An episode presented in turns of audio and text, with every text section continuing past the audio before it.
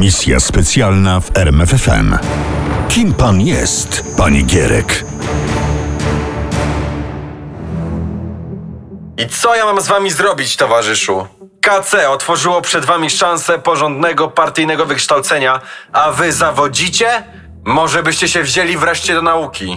Tak w 1948 roku mówił Karol Lapter, profesor i wykładowca w Centralnej Szkole Partyjnej do nikomu wówczas nieznanego Edwarda Gierka. Gierek, 35-letni komunista, zaledwie z podstawowym wykształceniem, zupełnie nie pojmował zawiłości filozofii Marksa i Lenina. Był górnikiem. Niewiele rozumiał z marksizmu. Mówił w wywiadzie dla portalu dzieje.pl profesor Antoni Dudek.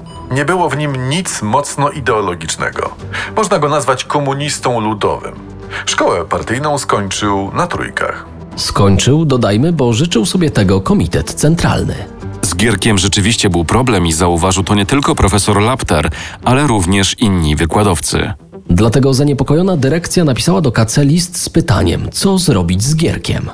Odpowiedź brzmiała: Gierek ma zdać wszystkie egzaminy. No to zdał. Ale Lapter nadal uważał, że Gierek nie nadaje się na kierownicze stanowiska. Ta krytyczna uwaga jednak nie zaszkodziła Gierkowi w karierze. Pokonywał jej kolejne szczeble i w 57 doczekał się stanowiska pierwszego sekretarza KW w Katowicach. Partia na Śląsku stała się wspólnotą interesów zwartej kliki otaczającej Gierka. Pisał wnikliwy obserwator życia politycznego w Polsce Jan Nowak-Jeziorański. Nigdzie nie było takiej korupcji, kumoterstwa i nadużyć i nigdzie ludzie stojący u władzy z Gierkiem na czele nie żyli w takim luksusie. A jednak to na Górnym Śląsku. Ludziom żyło się lepiej niż w innych regionach kraju. Wynikało to też z faktu, że Gierek był skutecznym organizatorem i miał talent do otaczania się ludźmi rzutkimi. Oceniał profesor Dudek. Kiedy więc skompromitowany reakcją na strajki grudnia 70 roku Władysław Gomułka tracił władzę, Gierek był jednym z dwóch kandydatów, którzy mogli zająć jego miejsce. Tym drugim był Mieczysław Moczar, szef MSW i agent radzieckiego GRU. Wybór Gierka był lepszy niż gdyby pierwszym sekretarzem został Moczar, twardogłowy komunista kompletnie nieczuły na kwestie modernizacji kraju. Ponadto, co nie było bez znaczenia, Moczara nie chciała Moskwa. I towarzysze radzieccy dali to Polakom wyraźnie do zrozumienia. Natomiast Gierek będzie zaakceptowany. Mówił do wicepremiera Piotra Jaroszewicza premier Związku Radzieckiego Aleksiej Kosygin. Wydawało się więc, że Gierek wyrasta na lidera w wyścigu po stołek pierwszego sekretarza. Tymczasem Gomułka wcale nie zamierzał oddać władzy. 19 grudnia, w sobotę, Gomułka pojawił się na zebraniu biura politycznego tylko na chwilę. Wszedł w towarzystwie lekarza, nie usiadł przy stole, tylko już od progu zaczął wydawać dyspozycje. Wybieram się do szpitala. Zastąpi mnie towarzysz Edward Gierek. Ma zadanie uspokoić kraj. Jak wrócę ze szpitala, przejmę obowiązki na nowo. A teraz, towarzysze, życzcie mi dużo zdrowia. Do zobaczenia. Gierkowi nie uśmiechała się rola tak zwanego koordynatora. Albo zostaję pierwszym sekretarzem, albo wracam do Katowic. Nie musiał wracać. Decyzja zapadła. O wyborze Edwarda Gierka na pierwszego sekretarza Polacy dowiedzieli się następnego dnia z wieczornego dziennika telewizyjnego. Jan Nowak-Jeziorański nie krył zdumienia. Jak to możliwe, by człowiek tak mało pojętny, bez wykształcenia zaszedł tak wysoko? W pierwszym przemówieniu do narodu Gierek odniósł się do tragicznych wydarzeń grudniowych. Zginęli ludzie. Wszyscy przeżywamy tę tragedię. Nie mogą nie cisnąć się na usta pytania: dlaczego doszło do tego nieszczęścia? Uważam, że dramat wynikał z nieprzemyślanych koncepcji w polityce gospodarczej. To właśnie gospodarka miała okazać się oczkiem w głowie nowego sekretarza i jej zamierzał poświęcić najwięcej uwagi. Gierek postanowił zbudować gospodarczy fundament silnej Polski. Żeby to osiągnąć, potrzebował pieniędzy. Znalazł je na bogatym zachodzie we Francji, we Włoszech i w Stanach Zjednoczonych. Dlaczego Zachód pożyczał Polsce pieniądze? Bo to się opłacało z punktu widzenia ekonomii. Gospodarki krajów zachodnich znajdowały się w stanie recesji. Wierzono, że nowe inwestycje i rynki na wschodzie poprawią bilans ekonomiczny. Kredyty miały konkretne cele, np. produkcję samochodów Fiat, autobusów czy telewizorów kolorowych. Pieniądze z kredytów wydawano w krajach skąd kredyt pochodził. Siłą rzeczy francuski kredyt przekazany Polsce był przez Polskę wydawany we Francji. Współpraca z Polską Gierka pozwalała gospodarkom zachodnim ożywiać własną ekonomię. Ponadto sądzono, jak się okazało, bezpodstawnie, że udzielanie kredytu naszemu krajowi jest absolutnie bezpieczne, bowiem w razie krachu gospodarczego w Polsce bądź ogłoszenia jej niewypłacalności, zwrot pożyczonej gotówki gwarantuje Związek Radziecki. Wyglądało to więc na obustronnie absolutnie korzystny interes. Pisał Janusz Rolicki, autor biografii Gierka. Breżniew i jego ludzie w Moskwie nie tylko nie mieli zastrzeżeń do tej polityki, ale przeciwnie wspierali ją i chwalili za radnego sojusznika. Wsparcie ze strony Moskwy miało oczywiście również aspekt wymierny. Technologie zachodnie przekazane Polsce prędzej czy później znalazły się w Związku Radzieckim. Pierwsze pięciolecie rządów Gierka było rekordową w historii Polski Ludowej pięciolatką, jeżeli chodzi o wzrost gospodarczy i równoczesny wzrost poziomu życia. Rozpoczęła się budowa Huty Katowice, powstały nowe kopalnie na Śląsku, rafineria w Gdańsku i port północny. Budowano drogi szybkiego ruchu i osiedla mieszkaniowe. Oddano 2 miliony 420 tysięcy mieszkań, co było o tyle ważne, że właśnie w latach 70. w dorosłe życie wkraczali Polacy z wyżu demograficznego. Ten wynik oznacza, że szansa uzyskania mieszkania stała się jak nigdy dotąd w Polsce duża. Pisał we wspomnieniach premier Jaroszewicz. Ale problem nie został rozwiązany i należało ze wszystkich miar dążyć do budowy około pół miliona mieszkań rocznie. W planach na lata 81-95 stawialiśmy takie zadanie przed rozwijającą się gospodarką i było ono w pełni możliwe do wykonania. Polska się unowocześniła i wszystko wyglądało pięknie i kolorowo, jak w serialu 40-latek. Gierek i jego partyjni koledzy byli zachwyceni skokiem gospodarczym. I zamiast cieszyć się z osiągniętego wyniku, postanowili go poprawić oczywiście z mocnym poparciem społecznym. Możecie być towarzysze przekonani, że my tak samo jak wy jesteśmy ulepieni z tej samej gliny i nie mamy innego celu jak ten, który żeśmy zdeklarowali i to jest podstawowy program naszego działania. Jeśli nam pomożecie, to sądzę, że ten cel uda nam się wspólnie osiągnąć. Jak? Pomożecie! W październiku 73 roku podczas Krajowej Konferencji Partyjnej zdecydowano podnieść próg przyrostu produkcji z 50 do 66%. Płacy z 18 do 38%, a inwestycji do 45%. To był błąd. Przyznał po latach Jaroszewicz. Powinniśmy zahamować przyrost płac. Zdaniem niektórych historyków winę za tę decyzję ponoszą doradcy Gierka, którzy nie przedstawili mu rzetelnej prognozy gospodarczej. Ale prawda może leżeć jeszcze gdzie indziej. Gierek był populistą, zresztą nie pierwszym i nie ostatnim w historii Polski, nawet tej najnowszej. Pracował pod hasłem, aby Polska rosła w siłę, a ludzie żyli dostatniej i trzymał się tej maksymy zbyt długo. Gospodarka nie wytrzymała. Populizm ma bowiem to do siebie, że karmi społeczeństwo irracjonalnie, nie zważając na koszty. W końcu zostaje przekroczony próg, za którym cały system finansowy państwa zaczyna się walić. Widmo kryzysu gospodarczego objawiło się jak najbardziej realnie zimą przełomu 75 na 76 rok. Żeby uprzedzić kryzys, stosuje się różne środki. Czasem jest to wzrost podatków dla tzw. klasy średniej, a czasem wzrost cen. Musimy, towarzysze, zastanowić się nad konsekwencjami naszego planu gospodarczego. Czy nie warto zerwać z tradycją stałych cen na artykuły spożywcze? Mówił Gierek na spotkaniu biura politycznego. Z punktu widzenia społecznego nie warto. Odpowiedział premier. Kraj może się ruszyć i zapewne się ruszy, aż boję się pomyśleć, jaka tym razem będzie skala strajków. W kierownictwie partii i państwa nieuchronnej nowej podwyżki baliśmy się wszyscy. Podświadomie staraliśmy się odwlec ją w czasie jak najdalej. Wspominał Gierek. W połowie roku 76 nie było już jednak żadnej od niej ucieczki. I wtedy odezwał się Breżniew. Nie podnoście cen, towarzyszu Gierek. Zastanówcie się, czy nie ściągniecie sobie na głowę nowych kłopotów. Gierek nie posłuchał szczerych rad z kraju rad. W czwartek, 24 czerwca 1976 roku, premier Piotr Jaroszewicz wystąpił w radiu i telewizji. Obecnie po wszechstronnej analizie problemu i różnych wariantów jego rozwiązania oraz uzgodnieniu sprawy z Prezydium Centralnej Rady Związków Zawodowych przedkładam Wysokiej Izbie w imieniu Rady Ministrów wnioski dotyczące czterech powiązanych wzajemnie spraw. Chodzi po pierwsze o zmianę poziomu i struktury cen części podstawowych artykułów żywnościowych. Po drugie, o utrzymanie dotychczasowych cen poważnej grupy podstawowych artykułów żywnościowych o dużym znaczeniu społecznym. Zapowiedziana przez Jaroszewicza regulacja cen to nic innego jak podwyżki. Mięso podrożało o 69%, masło o 50%, cukier 200%, a ryż 150%. Podwyżki cen miały obowiązywać od poniedziałku. Czwartek minął jeszcze spokojnie. W piątek przemówienie premiera Jaroszewicza wydrukowała prasa. I wtedy się zaczęło. O świcie 25 czerwca robotnicy zakładów metalowych imienia generała Waltera w Radomiu nie poszli do pracy. Zebrali się natomiast pod budynkiem dyrekcji uzbrojeni w postulaty strajkowe. Jeszcze przed południem około 6 tysięcy ludzi ruszyło pod budynek Komitetu Wojewódzkiego rozmowy z sekretarzem wojewódzkim. Janusz Prokopiak, pierwszy sekretarz KW PZPR, zignorował postulat. Nie będę z nim rozmawiał, niech przyślą delegację. Do strajkujących wyszedł urzędnik.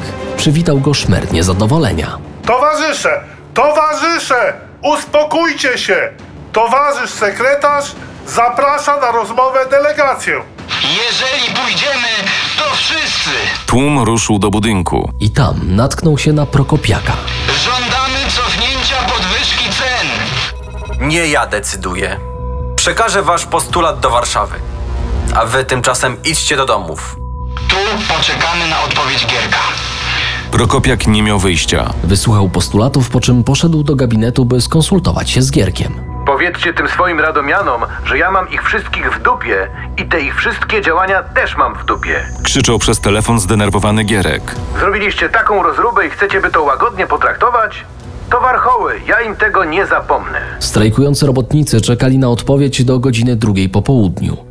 Nie nadchodziła jednak i ludzie zaczęli się niecierpliwić. W efekcie zdemolowali budynek Komitetu Wojewódzkiego. Przez okna wylatywały puszki zagranicznych konserw, kawa i słodycze, a nawet radia i telewizory. Z dachu budynku zniknął czerwony sztandar i pojawiła się biało-czerwona flaga. A potem budynek podpalono, a na ulicach miasta zaczęła się regularna bitwa demonstrantów z milicją i ZOMO. Gdyby w Radomiu milicja miała broń, bądź gdyby ktoś dał jej rozkaz strzelania do tłumu, powtórzyłby się niemal dosłownie scenariusz wydarzeń grudnia 70. Tym razem, na szczęście, nikt jednak nie chciał ani nie miał zamiaru strzelać. Pisał historyk Janusz Rolicki. To była decyzja Edwarda Gierka. Wieczorem, w Wigilię podwyżki zażądałem kategorycznie, aby na wypadek ewentualnych rozruchów bądź demonstracji milicja przystępując do akcji pozbawiona była broni. Miasto wyglądało jak po bitwie. Bilans w Radomiu był straszny. Spalony komitet wojewódzki, zdemolowane i splądrowane sklepy, straty wynosiły 150 milionów złotych, a pamiętajmy, że ówczesna złotówka była wiele warta. Kilogram cukru kosztował 10 złotych, a maluch 69 tysięcy.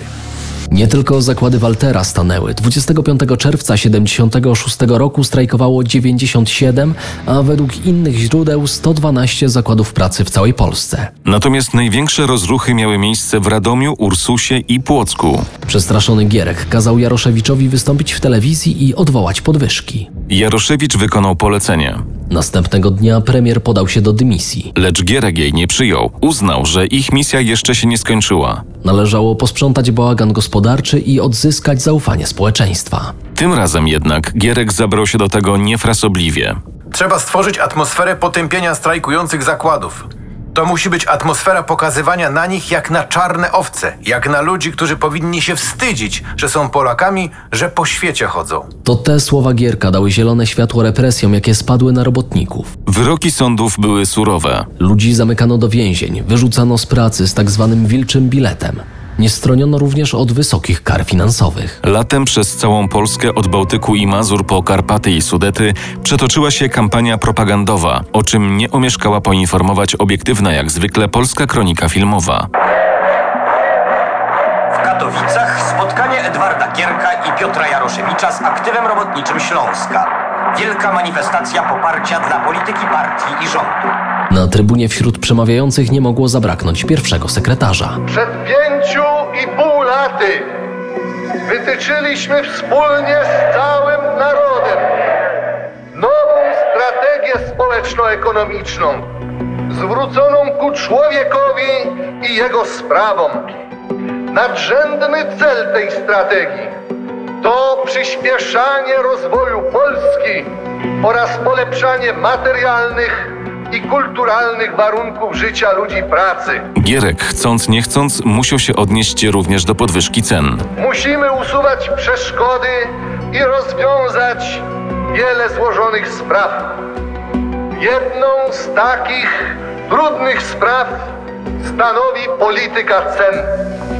Jest ona obecnie żywo i szeroko dyskutowana w naszym kraju. Postanowiliśmy poddać tę sprawę pod konsultację społeczną. Chociaż każdy rozumie, że konsultacja w sprawie zmiany cen nie jest rzeczą prostą. Grozi bowiem, jak wszyscy wiedzą, niepokojami na rynku i wykupywaniem towarów. Przemówienie przyjęte zostało z najwyższym zainteresowaniem przez całe społeczeństwo. Ani represja, ani ofensywa propagandowa partii nie pomogły uratować ambitnych zamierzeń Edwarda Gierka. Mam świadomość, że wtedy, w czerwcu 76, przesądzony został los bardzo ambitnego programu, którego pełna realizacja uczyniłaby z Polski kraj zasobny. Nigdy nie stalibyśmy się żebrakiem Europy. Według premiera Jaroszewicza Polska w latach 70. pożyczyła 56 miliardów dolarów. W sierpniu 1980 roku, kiedy odchodził Gierek, dług wynosił 22 miliardy. Kiedy kończyły się lata 80., zadłużenie znów wzrosło, tym razem do 46 miliardów. Natomiast ostatnią ratę długu zaciągniętego przez Gierka spłacono w październiku 2012 roku. Janusz Rolicki w biografii Gierka pisał: Za rządów Gierka Polska miała szansę wyjść z dołka zadłużeniowego, czego wyrazem był dodatni bilans w handlu zagranicznym w pierwszym półroczu roku 1980, co po odejściu Gierka już się nie powtórzyło. Pierwszy sekretarz oczywiście wiedział, że spłata długu może być trudna, dlatego zawczasu szukał rozsądnych rozwiązań. Ktoś wpadł na pomysł spłacenia kredytów towarami wyprodukowanymi w zbudowanych z kredytów fabrykach. Plan teoretycznie dobry. W praktyce okazał się jednak trudny do realizacji. O ile fabryki Fiata w Tychach i Bielsku Białej potrafiły zarobić na spłatę kredytów, bo pomogła im w tym korzystna umowa z Włochami, o tyle w wielu innych przypadkach nie było to takie łatwe. Gdyby Polska Gierka zdecydowała się na firmy mieszane z kapitałem zachodnim, tłumaczył Rolicki. Niewątpliwie byłoby prościej pokonać piętrzące się przeszkody. Na to od początku nie było jednak zgody politycznej. Tymczasem w 1978 roku pojawił się nowy problem. W kierowniczych gremiach PZPR wybuchła gigantyczna awantura. Mówił profesor Dudek. Okazało się, że nie wiadomo, kto odpowiada za monitorowanie poziomu zadłużenia zagranicznego. Okazało się, że nikt nie panuje nad tym, jak te długi są zaciągane i kto jest winny wysokiemu poziomowi zadłużenia.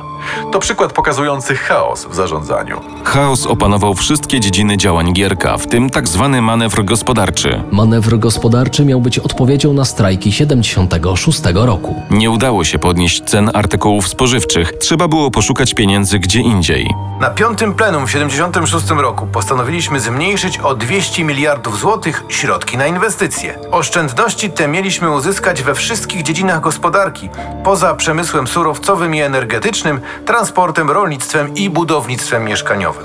Opowieść Gierka, mówił profesor Dudek, że kraj zaczął wychodzić z kryzysu gospodarczego, była naiwna. Manewr gospodarczy polegał na ograniczeniu inwestycji, ale jego zakres był za mały. Nie było to pociągnięcie przemyślane i skoordynowane. Zupełnie inaczej widział to Gierek. Manewr gospodarczy nie tylko mógł się powieść, on nam się wręcz udał. Niestety, fakty wydają się przeczyć tej stanowczej odpowiedzi Gierka. Nastąpiło przegrzanie gospodarki. Trzeba było zacząć spłacać długi i okazało się, że gospodarka się wali.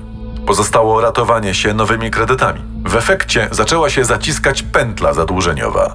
Drugie pięciolecie Gierka to już była tylko nieudana ucieczka przed nadciągającą katastrofą, która doprowadziła w 80 roku do największej fali strajków po wojnie. Podsumował profesor Dudek. Gierka pogrążył świt Solidarności. Skończył jak Gomułka. Przed świtem 5 września Gierek trafił do kliniki w Aninie. Kiedy nad jego zdrowiem pochylali się lekarze, Komitet Centralny PZPR pozbawił go funkcji pierwszego sekretarza.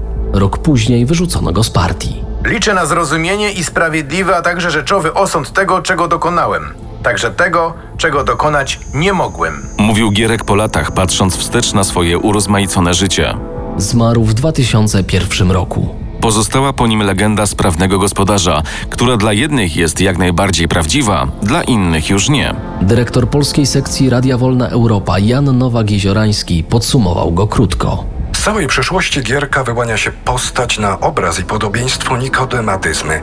Gierek był po prostu sprytnym karierowiczem, cynicznie wykorzystującym obowiązującą doktrynę dla zrobienia kariery, która zaprowadziła go na szczyt. Czy taka ocena jest sprawiedliwa? Misja specjalna w RMFFM. Na tropie największych tajemnic historii.